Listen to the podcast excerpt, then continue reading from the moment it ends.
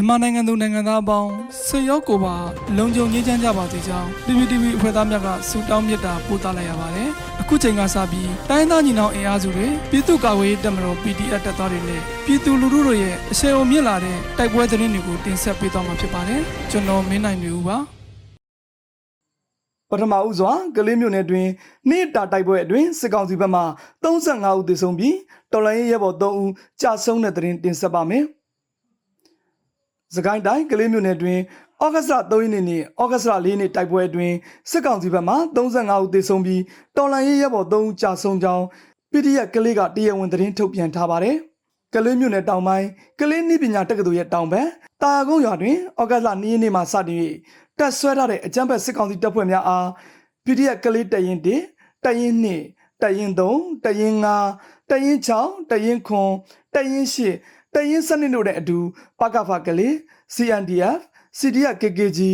RKTF ပူးပေါင်းတပ်ဖွဲ့များကဩဂတ်စ်လ3ရက်နေ့ညနေ9:00နာရီခွဲခန့်အချိန်ကတွားရောက်ပစ်ခတ်တိုက်ခတ်ခဲ့ပြီးည8:00နာရီခွဲအချိန်ခန့်ထိတိုက်ပွဲပြင်းထန်ခဲ့ကြောင်းစစ်ကောင်စီဘက်မှလက်နက်ကြီးပစ်ကူများဖြင့်အဆက်မပြတ်ပစ်ခတ်မှုကြောင့်ပူးပေါင်းတပ်ဖွဲ့များပြန်လည်ဆုတ်ခွာခဲ့ရကြောင်းသိရှိရပါတယ်။ယမန်နေ့ဩဂတ်လ3ရက်နေ့မှစ၍ ယနေ့ညနေပိုင်းအထိဖြစ်ပွားလျက်ရှိတဲ့တိုက်ပွဲများအတွင်အကြမ်းဖက်စစ်ကောင်စီတပ်သား15ဦးခန့်သေဆုံးပြီးအများအပြားထိခိုက်ဒဏ်ရာရရှိထားကြောင်းပြည်သူ့ကာကွယ်ရေးပူးပေါင်းတပ်ဖွဲ့များဘက်မှ PDF ကလေးတပ်ဖွဲ့ဝင်2ဦးပကဖတပ်ဖွဲ့ဝင်2ဦးစုစုပေါင်း3ဦးမြင့်မြတ်စွာကြာဆုံးခဲ့ရပြီး PDF ကလေးတပ်ဖွဲ့ဝင်10ဦး CNDF ဘွားကောက်တပ်ဖွဲ့ဝင်2ဦးပကဖတပ်ဖွဲ့ဝင်4ဦးအာဂီဒီယတ်တပ်ဖွဲ့ဝင်2ဦးစုစုပေါင်း19ဦးထိခိုက်ဒဏ်ရာရရှိခဲ့ကြောင်းသိရှိရပါတယ်အလားတူ ဩဂတ်စ်လ4ရက်နေ့ကလေးမြို့နယ်တောင်ပိုင်းတွင်တိုက်ပွဲများပြင်းထန်လဲရှိရှိတဲ့တစ်ချိန်တည်းကလေးမြို့နယ်မြောက်ပိုင်းတွင်လည်းတမှုမှကလေးဘက်သို့ဥတင်မောင်းနေလာတဲ့စစ်ကား14စီးရင်နှန်းဟာ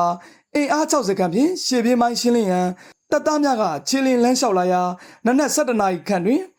55မိုင်နှင့်ရာဇကြိုရေလောင်တမန်လန်းအကြား3လောင်းကွေအနီး PDF ကလေးတပ်ဖွဲ့များကမိုင်းစနလုံးဖြင့်ဇက်တိုက်ဖောက်ခွဲတိုက်ခိုက်ခဲ့ကြောင်းအကြမ်းဖက်စစ်သား20ခန့် နေရာတွင်တည်ဆုံပြီးအများအပြားထိခိုက်ဒဏ်ရာရရှိကြောင်းသိရှိရပါတယ်။မိုင်းဆွဲတိုက်ခိုက်ခံရမှုကြောင့်အထိနာသွားတဲ့စစ်ကောင်စီတပ်ဖွဲ့ဟာ55မိုင်ရွာအတွင်းမှာအပြစ်မဲ့ပြည်သူအချို့ကိုဖမ်းဆီးထားပြီးညနေ6နာရီခွဲအချိန်ခန့်တွင်ရာဇကြိုရွာအတွင်းသို့လက်နက်ကြီးများအဆက်မပြတ်ပစ်ခတ်၍ဝင်ရောက်မှွေနှောက်ခဲ့ပြီးရွာစကြိုရွာအတွင်း၌ PDF ကလေးတပ်ဖွဲ့ဝင်များနှင့်တိုက်ပွဲများဖြစ်ပွားလျက်ရှိကြောင်းသိရှိရပါသည်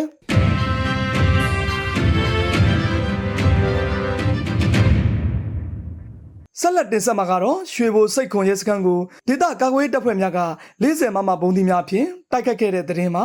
စကိုင်းတိုင်းရွှေဘိုမြို့နယ်စိတ်ခွန်ကြီးရာရှိရဲစခန်းတွင်တက်ဆွဲထားတဲ့အကြမ်းဖက်စစ်တပ်ကို CND ရွှေဘိုနှင့်မာမိတ်တပ်ဖွဲ့များကဩဂတ်စ်လ2ရက်နေ့တွင်40မမဘုံဒီဖြင့်တိုက်ခတ်ခဲ့ကြောင်းသတင်းရရှိပါရယ်စိတ်ခွန်ရဲစခန်းတိုက်ခတ်ခံရပြီးနောက် ည9နာရီခန့်တွင်အကြံပတ်စစ်တပ်ဟာအနီးဝန်းကျင်ရှိကျွော်များသို့လက်နက်ကြီးများဖြင့်ရန်ကားပစ်ခတ်ခဲ့ကြောင်းပြည်သူများကိုဒေသကာကွယ်ရေးတပ်ဖွဲ့များကဘေးကင်းရာသို့ရွှေ့ပြောင်းပေးခဲ့ကြောင်း CND ရှေ့ဖို့အဖွဲ့ကထုတ်ပြန်ထားပါတယ်